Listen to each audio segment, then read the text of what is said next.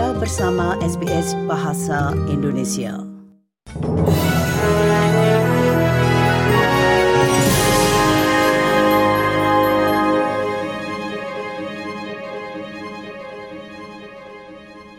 Berita selengkapnya. Para korban selamat dari letusan gunung berapi White Island tahun 2019 di Selandia Baru pendengar telah ditetapkan menerima reparasi dengan total sebesar 9,3 juta dolar Australia atau sekitar 10 juta dolar Selandia Baru. Hakim Evangelist Thomas di Pengadilan Distrik Auckland mengatakan jumlah tersebut akan dibayarkan oleh pemilik pulau Wakari Management Limited, White Island Tours, dan perusahaan helikopter Volcanic Air Safaris. Ia mengumumkan denda sebesar 2,4 juta dolar Australia atau senilai 2,6 juta dolar Selandia Baru. 22 orang tewas dalam letusan mematikan tersebut, di mana 25 orang lainnya mengalami luka-luka. Pemimpin oposisi federal Peter Dutton mengatakan dirinya mendukung wakilnya Susan Lee uh, setelah apa yang disebutnya sebagai penjahat asing di Victoria. Menjelang by-election di Dunkley di Melbourne besok, Miss Lee memposting di platform media sosial X, jika Anda tidak ingin melihat perempuan Australia diserang oleh penjahat asing, jangan memberikan suara untuk partai buruh. Komentar tersebut diyakini berkaitan dengan kasus mantan tahanan imigrasi yang ditangkap atas tuduhan pelecehan seksual, namun kemudian dibebaskan ketika polisi menetapkan bahwa terjadi kesalahan identitas. Perdana Menteri Anthony Albanese mengecam komentar Miss Lee dan mengatakan bahwa kasus tersebut seharusnya tidak dipolitisasi.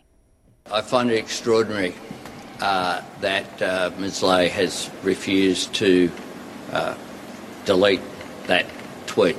People, including uh, the legal system, uh, has to be allowed to operate in this country free of this preemptive uh, political uh, game playing.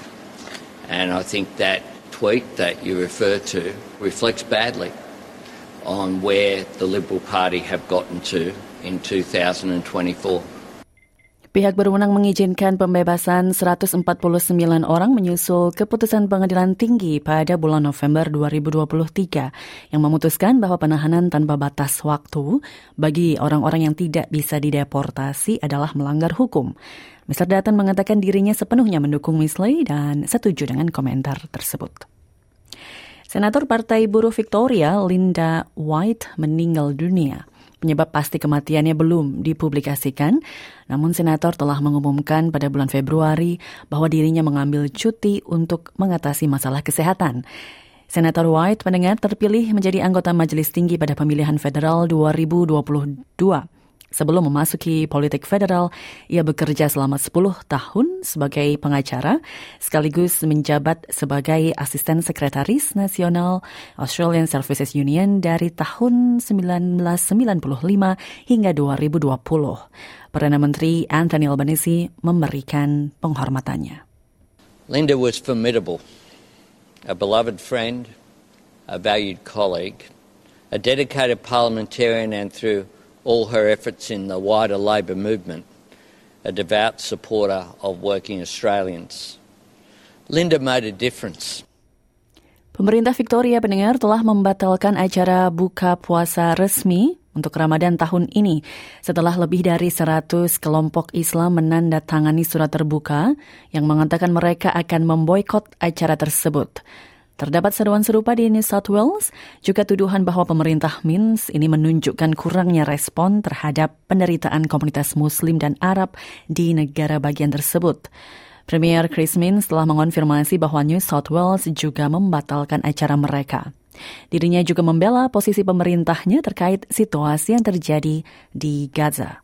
It's not going to go ahead, but that's not because the government doesn't care or isn't interested or isn't prepared to invest when it comes to that community in New South Wales. I know that there's been criticism of the government.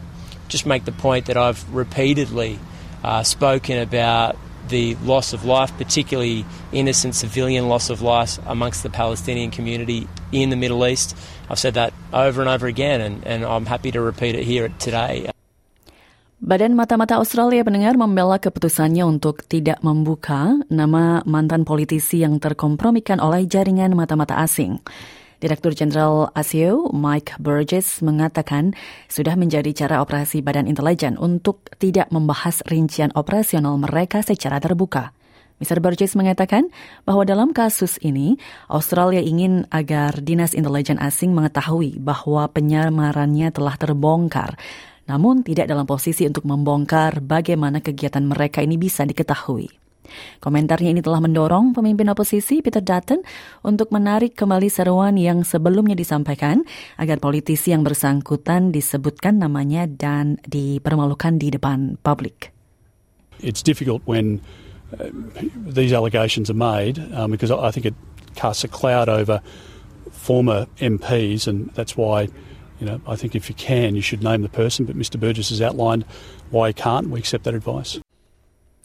Warga Australia didorong untuk menyampaikan ide terkait dengan mata uang dolar uh, 5 dolar Australia yang baru. Reserve Bank of Australia pendengar meluncurkan kampanye untuk membantu merancang ulang uang kertas tersebut hari ini, mencari masukan dari publik mengenai ide-ide yang merayakan budaya bangsa pertama di Australia. Desain baru ini akan menggantikan gambar Ratu Elizabeth II pada uang kertas tersebut, sedangkan sisi sebaliknya akan tetap berupa gambar gedung parlemen. Pengiriman ide ini ditutup pada tanggal 30 April, di mana desain akhir diharapkan akan dirilis pada akhir tahun.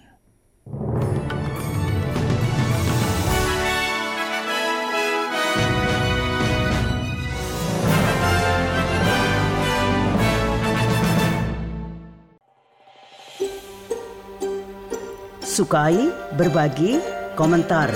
Ikuti SBS program Bahasa Indonesia di Facebook.